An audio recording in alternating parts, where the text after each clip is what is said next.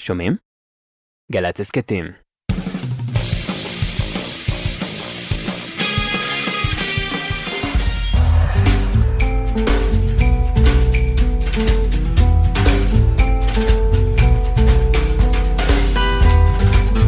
אהלן אהלן, שלום עליכם. ברוכים הבאים אל זה המקום. אל זו השעה, שתיים, ארבע דקות וחמש עשרה שניות, שזה היום, היום הזה ממש. 49 יום לעומר, שהם שבעה שבועות. כן, זה הסוף של הספירה, ומעניין שספירת העומר מתחילה ממחרת הפסח, והיא בעצם, המטרה שלה זה להגיע לחג שבועות. היא, מוליכה אותנו לחג שבועות, חג הביקורים, יום מתן תורה, שהוא היום החמישים. והנה דווקא את היום הזה, היום החמישים, אנחנו לא סופרים, למרות שהוא היעד והתכלית של הספירה. וזה כנראה בגלל שהמועד הזה הוא מעבר לזמן, ואי אפשר לספור אותו. הוא הצליל השמיני הבלתי נשמע אחרי שבעת צלילי האוקטבה. הוא קול דממה דקה. לילה ארוך במדבר על ההר הגבוה. אימת הדממה ששמע בה משה דבר אלוה. עוטפת אותך הבורח מרעש חייך. את השקט הזה להכיל התוכל אם ישבור את כליך. הרחק משלוות הבוסתן הפורח כפלא. את מי השלגים שהפשירו אוגר הוא בסלע. הקיץ מבשיל פירותיו כמו היה הוא הגן שמקדם. ובגבוה עשן מדורות מטיילים וצחוקם שיר וזמר. קול דממה. דקה.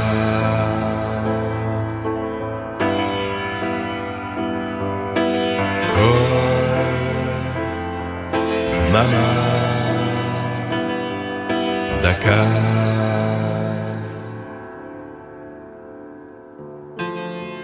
הרחק בהרים הגבוהים שם ציפור בנתה בית בפסגת הצוקים על תהום פעורה היא פורסת כנפיים. מה לך כאן כפליט הנמלט מן החרב? מה נבהלו כל פחדיך בך ברדת על ערב? ישימון בראשית מפוסל מסעות חול ברוח שהחושך עוטף בשחורי אפלת אין עוד צעד בטוח. רפאים מרקדים בנקיקים על קרן ירח. בדידותך רחוצה בדמעות והלילה שולח. אור עד אין ספור כוכבים לאין קץ שמיים ועירך רחוקה חוכמתה לא שווה כוס מים. ומרעיד בעמקי נשמתך המקום בו הזמן לא נוגע. והשקט הזה את גופך ממלא ואתה כל כולך שומע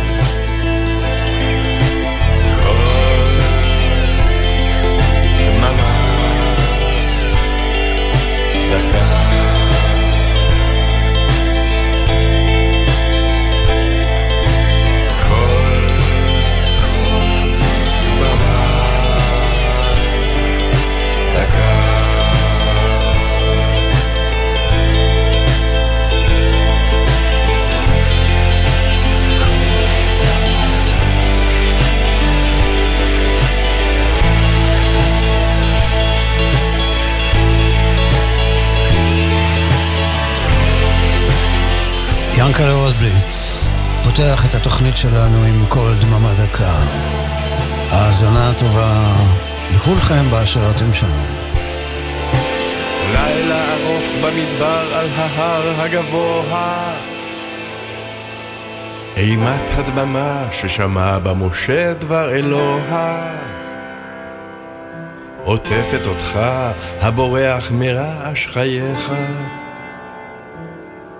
את השקט הזה התוכל להכיל אם ישבור את כליך.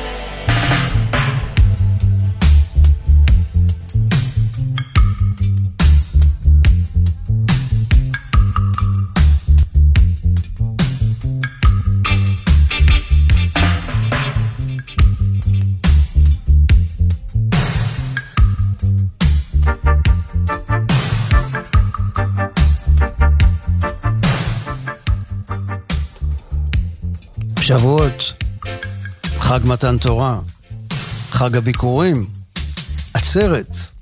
כל אלה הם שמות שונים לאותו מועד שיש בו דבר אחד קצת מוזר. אין לו תאריך ברור וקבוע, כמו לשאר החגים והמועדים. התאריך המקובל של היום השישי לחודש סיוון נקבע כברירת מחדל על ידי חכמי התלמוד. וגם זה אחרי מחלוקת ודיון ארוך. בתורה בכלל לא כתוב שצריך לחגוג את יום מתן תורה. אין חג כזה. יש את חג הביקורים שבו בני ישראל היו מביאים את ראשית פרי אדמתם אל בית המקדש. אבל גם לזמן הבאת הביקורים אין תאריך מדויק. המועד שלו נקבע על סמך ספירה של 49 יום, מיד אחרי הפסח. החיבור בין מתן תורה ליום הביקורים והקביעה של שני המאורעות בתאריך אחד נעשה בתקופה מאוחרת, בזמן התנאים. והדבר באמת מפליא, כי אחרי שחרב בית המקדש, לכאורה ניטל הטעם של הבאת ביקורים. כבר אי אפשר להביא. אבל נשאר לנו הטעם של יום מתן תורה, שזו המשמעות העיקרית של היום הזה לדורי דורות, מאז החורבן ועד ימינו.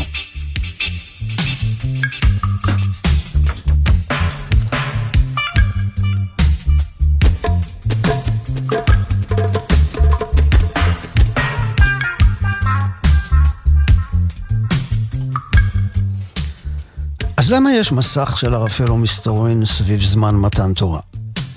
אולי זה בא לומר לנו שהתורה היא מעבר לזמן, והיא ניתנת בכל זמן. ולא רק הזמן לא נאמר לנו, אלא גם המקום. כי אנחנו לא יודעים איפה זה הר סיני. ובעצם, אני אגלה לכם אה, עכשיו אה, חידוש אה, מעניין. הר סיני זה לא באמת הר. זה מצב תודעתי.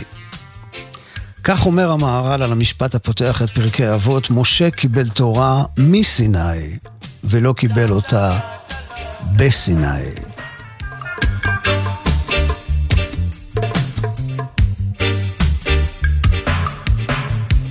לפעמים אני חושב על המעמד הזה, מעמד הר סיני, כמו משהו של מדע בדיוני, כאילו איזו חללית הגיעה מיקום שיש בו אינטליגנציה גבוהה מאוד. נחתה בקולות שופר, ברקים, רעמים ועשן, והביאה איתה לעם ישראל ולאנושות כולה ידע חשוב ומהותי.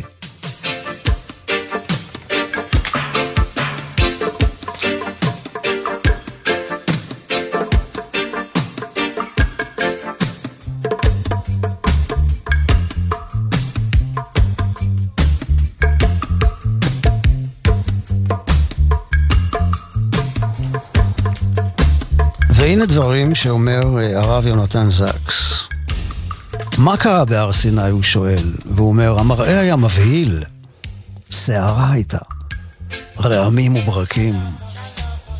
ענן סמיך חטף את ההר, אש רשפה, שופרות רעשו, ההר רעד והארץ נעה.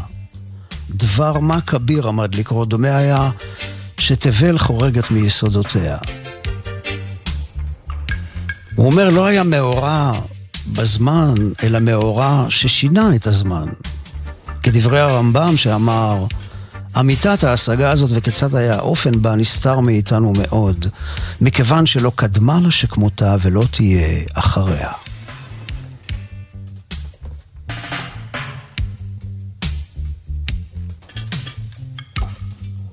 ממשיך ואומר הרב יונתן זקס, איינשטיין לימד אותנו כשהאור, אפילו הזמן, מתעקמים בקרבה גדולה לשמש. דבר דומה לזה קורה לתורה כשהיא מתקרבת לרגע שבו קבוצת עבדים נמלטים פוגשת את אלוהים בהר במדבר ומקבלת על עצמה את ייעודה. הזמן מאט, כמעט עד כדי עצירה. המפגש בינינו לבין אלוהים, אומר הרב זקס, דומה למפגש בין שני אנשים. ביני לבינך. אני יכול לראות את הגוף שלך, אבל אינני יכול להרגיש את כאבך. אם כן, איך אני יכול להיכנס לעולמך? באמצעות מילים. אתה מדבר, אני מקשיב. אני שואל, אתה עונה. אנחנו מתקשרים. השפה היא הגשר הצר שמעל לתהום שבנפשו של האדם אחד לנפש זולתו. הוא הדין לתהום שבינינו לבין נפש העולם. ההתגלות מתרחשת באמצעות דיבור. זה הדבר שקרה בהר סיני. האינסוף דיבר והעולם רעד. בדממת השממה שמעו בני ישראל את כל האלוהים.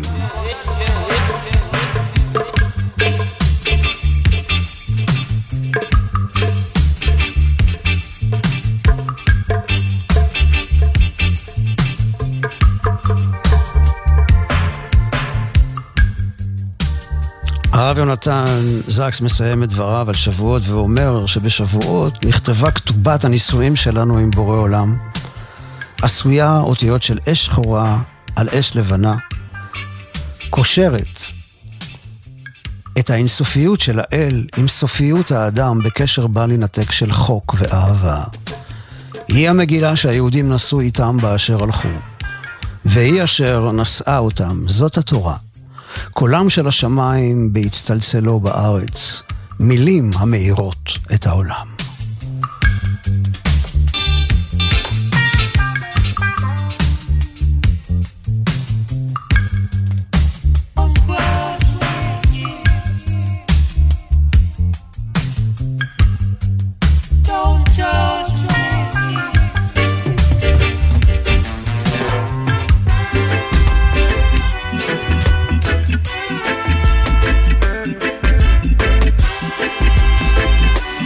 מישראל ובריישן, אנחנו עוברים לאבסיניאנס. סאטה מסגנה.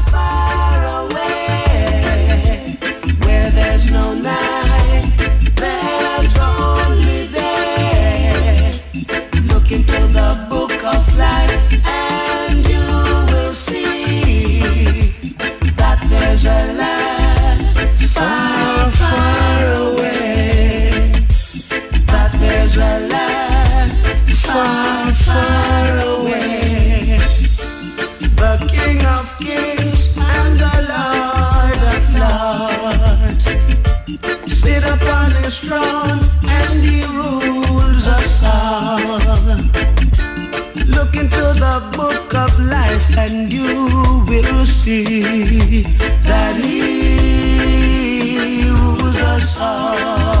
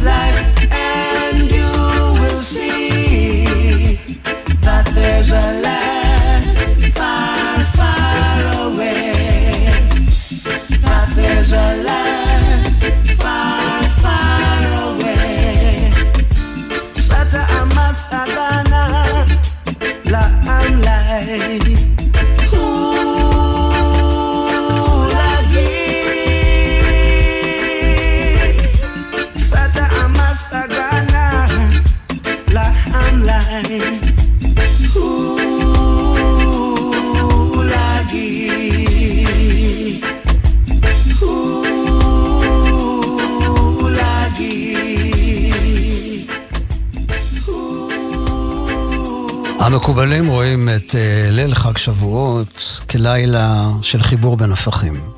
בין לילה ליום, בין הצד הזכרי לצד הנקבי, בין התורה שבעל פה לתורה שבכתב.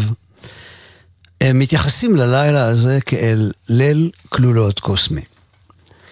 אנחנו בבית הכנסת אוהל יוסף, בשכונת תל יהודה, ברמת גנגס, נוהגים לעשות מדי שנה תיקון ליל שבועות. הגבאי, עבדיכם, צריך לדאוג לכיבוד קל, מחם של מים רותחים, קפה, תה, שתייה קלה וכולי וכיוצא בזה. וככה בדרך כלל מתכנסים ב-11, קוראים בספר תיקון ליל שבועות עד אחת בלילה, פחות או יותר, ואז יש שיעורים.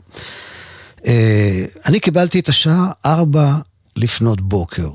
והיות ורבים מכם, מאזינים ומאזינות, יקרים ויקרות, לא תוכלו להגיע אלינו הלילה, מי שבסביבה כמובן מוזמן, אבל מי שבעפולה, איך יגיע? אז אני אביא כאן בקיצור נמרץ את הסיפור שאדבר עליו בלי נדר, הלילה, או יותר נכון לפנות בוקר. גיבור הסיפור הוא רבא בר נחמני, המורה שחי בבבל, אה, בערך אה, בין השנים 290 ל-330 לספירה. והוא, כך מספרים, היה נוהג לפתוח את השיעורים שלו במילתא דבדיחותא, כלומר בבדיחה. אז אני אנהג כמוהו ואביא בדיחה, אני מזהיר מראש, זו בדיחה של גבאים, והצוחק יצחק, ומי שלא יצחק, שלפחות יעקב. איזה חידוד. בכל אופן, הבדיחה הולכת ככה. יש דברים, קודם כל, שצריך לדעת, שלא מדברים עליהם בשבת, לא עושים עסקים בשבת, לא מדברים על עסקים בשבת. אה, וככה שני מתפללים נפגשים בליל שבת בבית כנסת, ואחד אומר לשני, תשמע, לא מדברים על זה בשבת, כן, אבל בכל זאת שמעתי שאתה רוצה למכור את האוטו, אה, כמה אתה רוצה עליו? אז החבר אומר לו, תשמע, לא מדברים על זה בשבת, אבל אני רוצה 50 אלף שקל. אתה אומר לו, לא, זה יותר מדי בשבילי, לא. למחרת בבוקר הם נפגשים בשחרית, אה, ואז הוא בא ואומר לו, שמע, לא מדברים על זה בשבת, אבל חשבתי על זה, אני מוכן לתת לך 45 אלף שקל. אומר לו, שמע, לא מדברים על זה בשבת, אבל, אבל לא, לא, אני לא יורד 150, מצטער. טוב, הולכים איש לדרכו, נפגשים שוב במנחה. ואז הוא בא ואומר, שמע, באמת, באמת, אתה יודע, לא מדברים על זה בשבת, אבל חשבתי על זה, אני מוכן לתת לך 50 אלף שקל, כמו שאתה רוצה. אומר לו, אה, וואלה? תשמע, לא מדברים על זה בשבת, כן? אבל זה כבר אה, לא אקטואלי.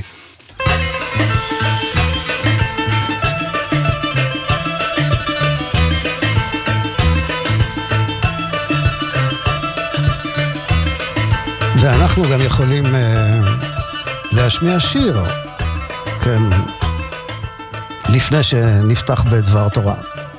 אהובה עוזרי, עמק הפרחים.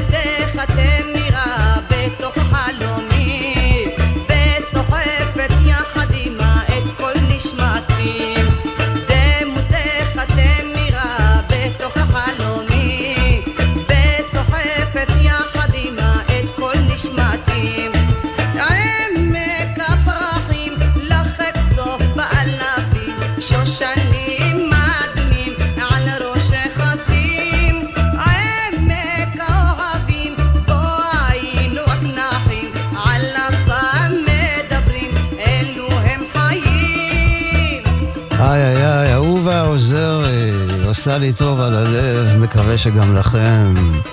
כמה געגועים אליה.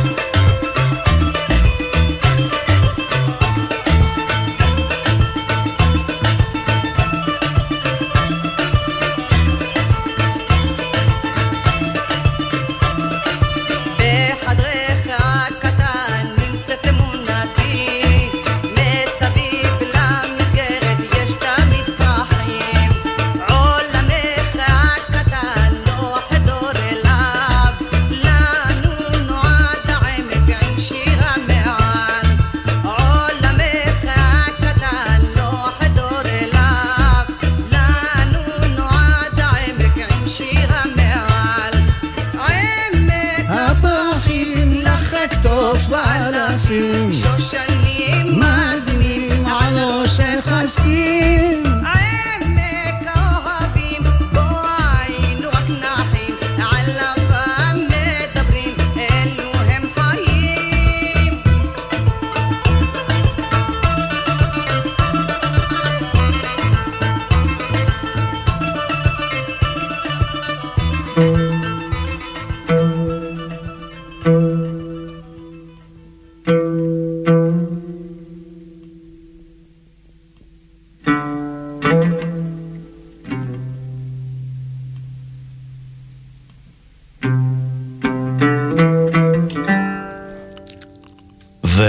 אנחנו עוברים לסיפורו של רבא בר נחמני. תן קצת רקע לסיפור הזה. רבא בר נחמני חי בזמנו של מלך פרס שקראו לו שבור מלכה. הוא דיכא את היהודים וגבה מהם מיסים מופרזים.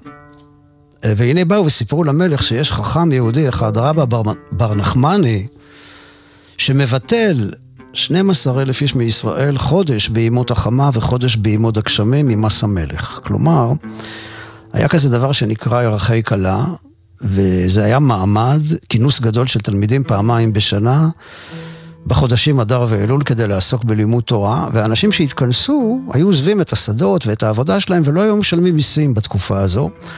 זה עצבן את השבור מלכה מלך פרס, התעצבן. והוא שלח שליחים לאסור ואולי אפילו להרוג את רבא, שהמוני אנשים היו באים לשמוע אותו דורש ומלמד. גונבה השמועה לאוזניו של רבא שבאים לקחת אותו, והוא יצא למסע בריחה ארוך ומפותל. מפומבדיתא לאקרא, מאקרא לאגם, מאגם לשכין, משכין לצריף, מצריף לעין מים, ומעין מים שוב לפומפדיתא, ומשם ברח והלך לאגם, וישב על גזע של דקל ועסק בתורה.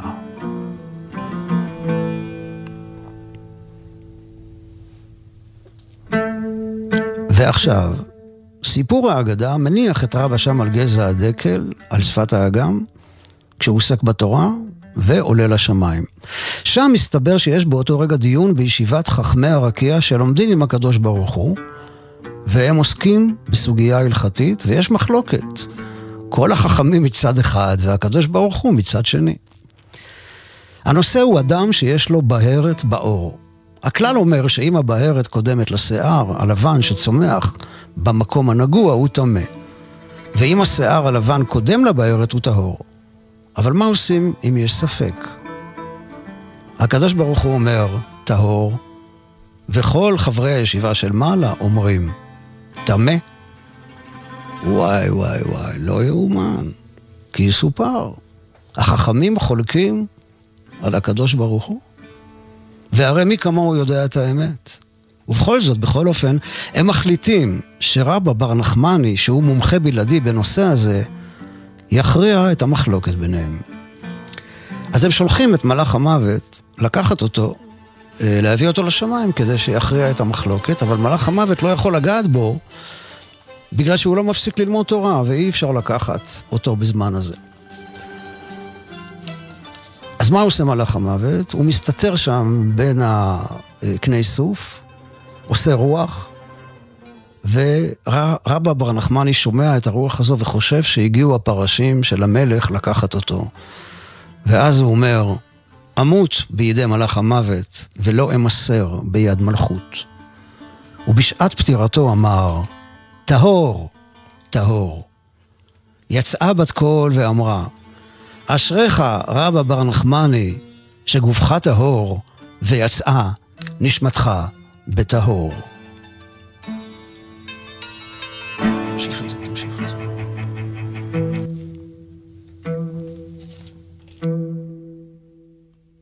הלילה בתיקון ליל שבועות אני אצלול לעומק של הסוגיה ההלכתית הזאת, ואביא דעות שונות מהרמב"ם ועד הבן איש חי. אבל כאן איתכם, בתיקון הצהריים הרדיופוני הזה אקצר ואומר שהמחלוקת בין הקדוש ברוך הוא לחכמים היא רק במצב של ספק. כלומר כשהאמת לא ברורה לגמרי. אנחנו חיים בעולם הזה בתודעה של ספק. אבל אצל הקדוש ברוך הוא, במרומי מרומיו, אין מצב של ספק, ולכן הוא מטהר. חכמי הרקיע מייצגים את התודעה האנושית שבה יש אפשרות של טומאה. רבא בר נחמני אומר טהור, טהור, בזמן שהוא נפטר, כלומר, הוא מיישר קו עם העמדה של הקדוש ברוך הוא, שיודע את המהות, את הראשית, את סוד יסוד הבריאה הטהורה. אצל הקדוש ברוך הוא אין ספקות. יש אצלו רק ודאי, ורבא בר נחמני מדלג מעל השכל האנושי שלו, מעבר לספק, אל התודעה הטהורה, שהיא כולה מלאה אור, אל הרצון האלוקי, אלוהים, אור.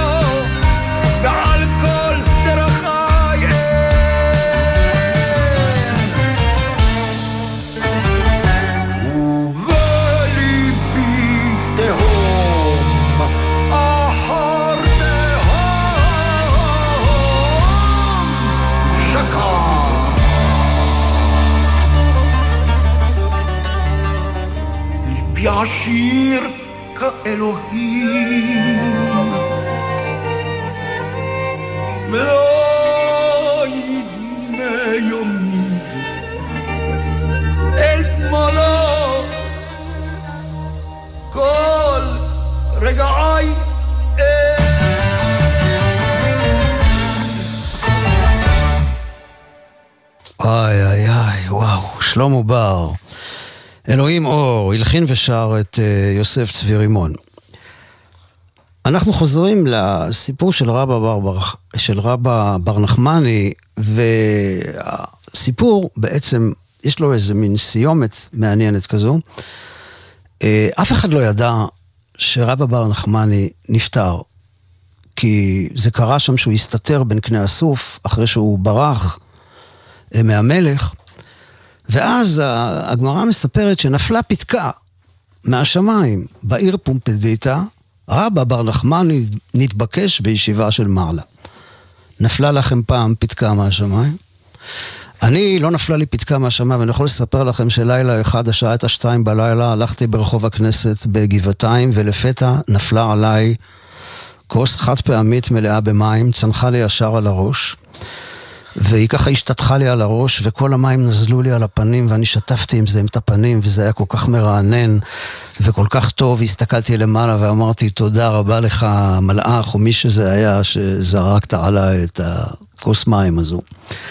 בכל אופן, אביה ורבא יצאו, אה, אחרי שהם קיבלו את הפתק הזה, אה, למצוא איפה הוא, כי רצו לקבור אותו, ולא מצאו איפה הוא נמצא, ואז הם הלכו לאגם וראו שם ציפורים, המון ציפורים, שככה פורסים את הכנפיים שלהם לעשות צל, ואז הם אמרו, כן, הוא בטח שם, הציפורים בטח עושות צל מעל גופתו, ובאמת הם באו ומצאו אותו, והספידו אותו. אה, שלושה ימים ושלושה לילות, ואז נפל עוד פתק. כל הפורש יהיה בנידוי, כאילו מה, מה, רק שלושה ימים? הספידו אותו שבעה ימים, כמו שצריך, ואז נפל פתק, לכו לבתיכם לשלום.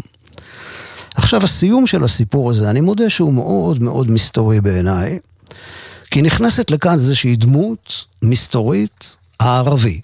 כן, רבותיי, הערבי. יש כזו דמות בגמרא. אותו יום שמת רבא, אומרת לנו הגמרא במסכת בבא מציע, יצאה שערה והגביה ערבי אחד שהוא רכוב על גמלו על נהר פאפה מצד זה לצד זה. אתם קולטים את התמונה? הולך לו איזה ערבי עם גמל, פתאום יש שערה, והשערה הזאת מעיפה את הערבי הזה עם הגמל שלו לצד השני של הנהר.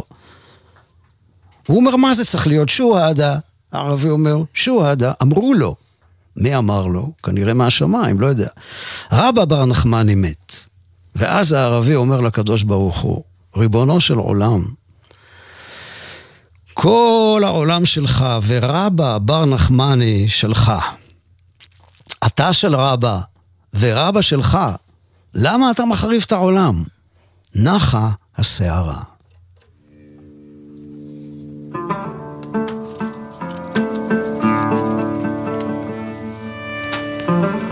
הדמות הזו של הערבי בגמרא מופיעה גם בתלמוד הירושלמי. מעשה באדם אחד שהיה חורש בשדהו בבקעת ארבל, שזה לא רחוק מטבריה. פתאום גאה שורו. עבר ערבי ושמע את קול השור ואמר, יהודי, יהודי, התר שורך ועתר מחרשתך, כי חרב בית המקדש. אחרי זמן מה גאה השור שנית. אמר אותו ערבי, יהודי, יהודי, קשור שורך וקשור מחרשתך, כי נולד מלך המשיח. אמר לו, מה שמו? שו אסמו? ענה ואמר לו, מנחם. يابا لا لا لا لا لا لا بتريد تحكينا لا راح بترد علينا بلا يابا لا لا لا لا لا لا تحكينا ام لا راح بترد علينا بلا يعني ما بتحبينا لا ولا بتحبنا لينا لا. يعني ما بتحبينا لا. ولا بتحبنا لينا لا. ولا راح بترد علينا يا بلا.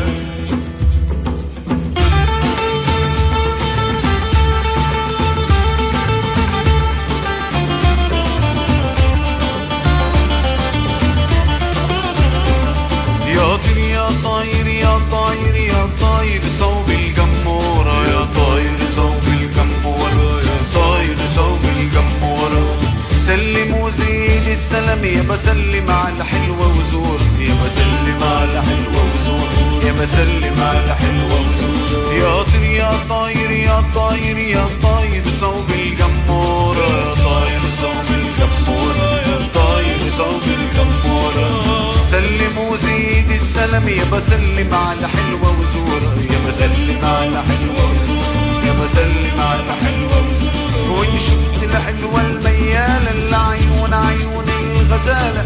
خبرها إنه بنحبها وأكل ما بنعشق بدالا يا بلا لا لا لا لا لا بتريدي تضحكينا أم لا؟ رح بترد علينا بلا. يا بلا لا لا لا لا؟ لا بتريد تحكينا أم لا رح ترد علينا يا بلا يعني ما بتحبينا لا؟ ولا بتحبينا لينا لا يعني ما بتحبينا لا؟ ولا بتحبينا لينا لا؟ ولا رح بترد علينا يا بلا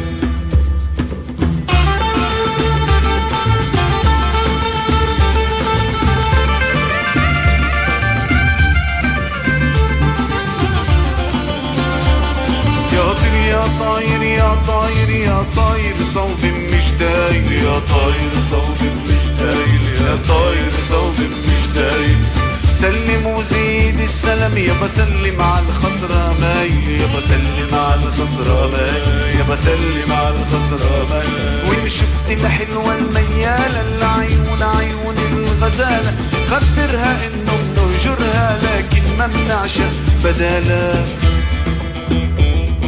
يا بلا لا لا لا لا لا بتريد تحكينا أم لا رح ترد علينا بلا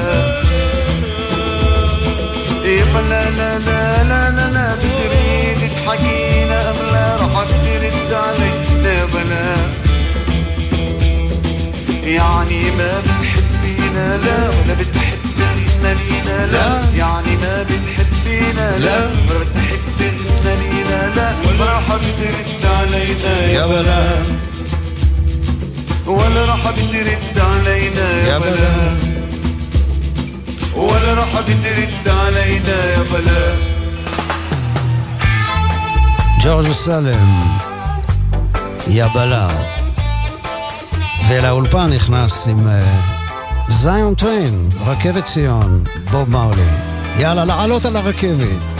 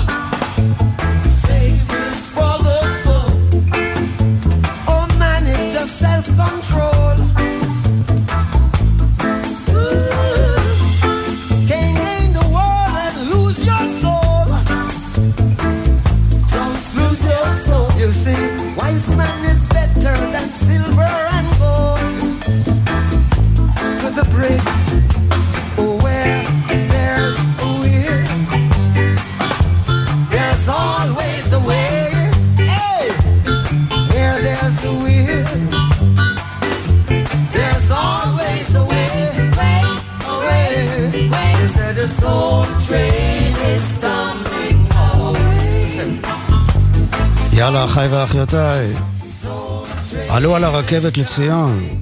זה לא משנה אם אתה חילוניסט, דתיסט, רוויזיוניסט, אנרכיסט, תימניסט או פולניסט. קח את הזמן בלילה הזה, ליל שבועות, לנשום עמוק, להסתכל מסביב ולומר לעצמך, הנה אני כאן, חי בזמן הזה, במקום הזה. תן לנשמה שלך חופש להתרומם, להתרחב, לקבל אור חדש. עלה על הרכבת לציון.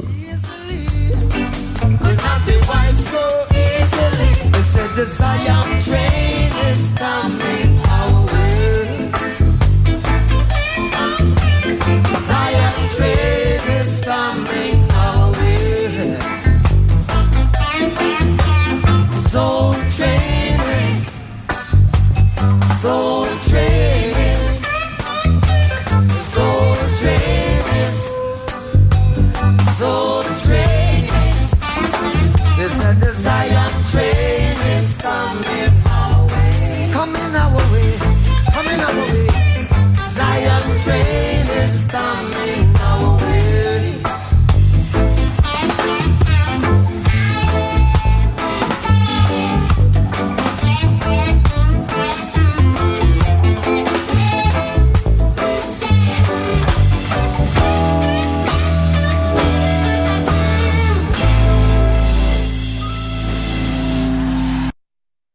בוב מרלי, זיון טריין. ועכשיו אני רוצה להשמיע שיר של אה, אורי רווח, שהוא יוצר מוזיקאי שיוצר מוזיקה מקורית וייחודית כבר הרבה הרבה הרבה שנים. הוא חי בקריית יערים, והוא אומר שכל מה שהוא מנסה זה לחפש את המיזוג בין האור הצלילי של הארץ, ארץ ישראל, לבין האור הצלילי הקדום. את השיר הזה שאני אשמיע עכשיו הוא כתב אחרי שליאונרד כהן הסתלק לבית עולמו. והוא מדבר על אה, בגדו של הכהן הגדול, שעל מצחו היה מונח ציץ נזרו. הוא מתחיל את השיר בפריטת מחווה לסגנונו של ליאונרד כהן, והאוקטבה הנמוכה של השירה שלו, כך הוא אומר, מתכתבת עם סגנון השירה של ליאונרד כהן. ילבש את בגדו, אורי רווח. ילבש, ילבש את בגדו.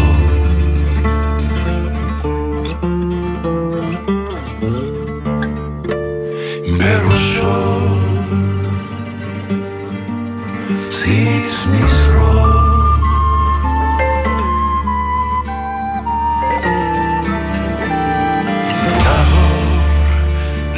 שמיים מקהל המים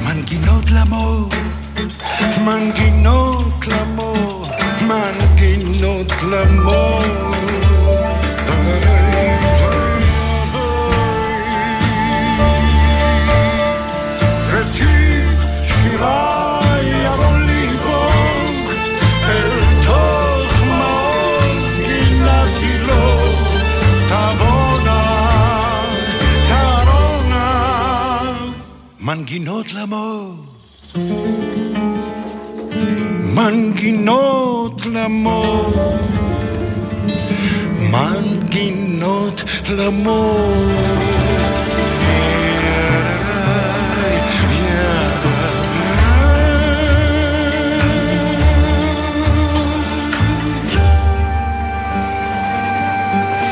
כמה יפה.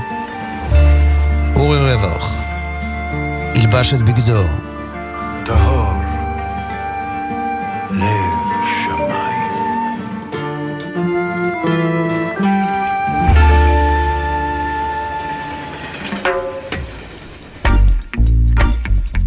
אויה, שמתם לב, אני קצת במצב רוח דביסטי רגעיסטי לכבוד אה, חג השבועות הזה. יש לי הרגשה שהתורה ניתנה במקצב הזה. כן, ככה. זה היה הקצב.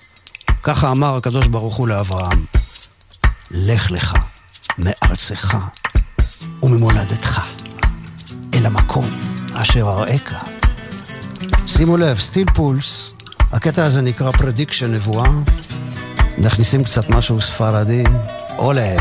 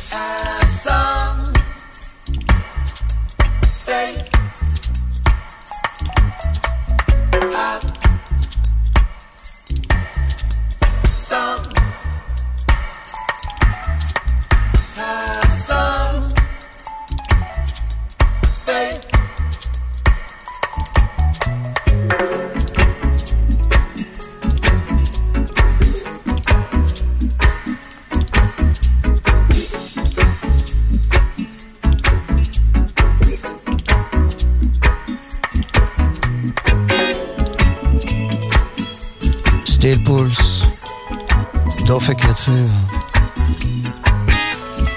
prediction.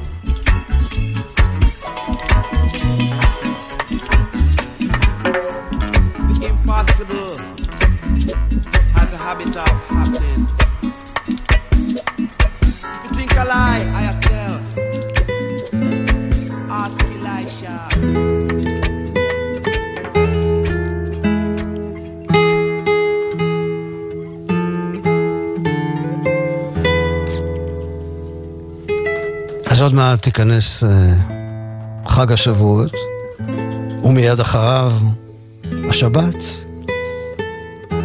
נעבור מקודש לקודש. יש לנו עכשיו uh, יומיים של uh, התכנסות פנימה, של אפשרות ככה לפתוח את עצמנו למרחב של זמן קצת אחר. לשמוע את כל הדממה הדקה שמסתצרת בין הצלילים. לפתוח את הלב, להפנות את הפנים איש אל אחיו ואל אחותו. אני רוצה לומר uh, תודה גדולה להדר נהיר על הניהול הטכני, תודה רבה לבן שלי הניהול ההפקה, תודה מיוחדת לסתיו סלטר ויובל ויליק על העזרה שלהם. מיד אחרינו, כאן באולפן, דוד האור, כבר יושב כאן מולי. אהלן דוד, ברוך הבא.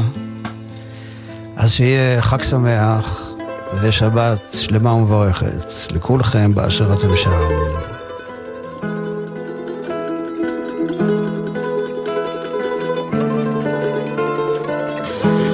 ובזוג סבבה, למה לא אמרת סלמת? לא, לא יכול לסגור שידור בלי שתגיד היידה, סלמת? לא.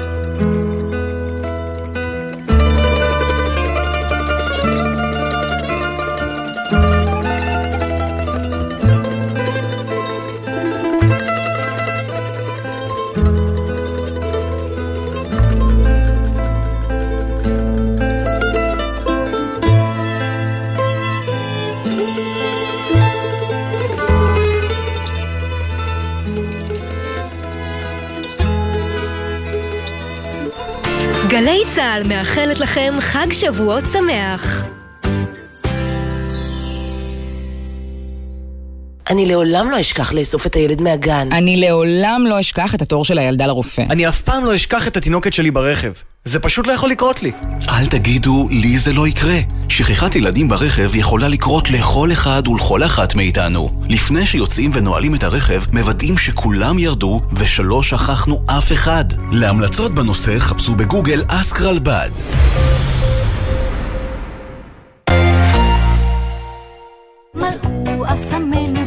ומלא הרדיו, תוכניות. חוגגים שבועות בגלי צה"ל.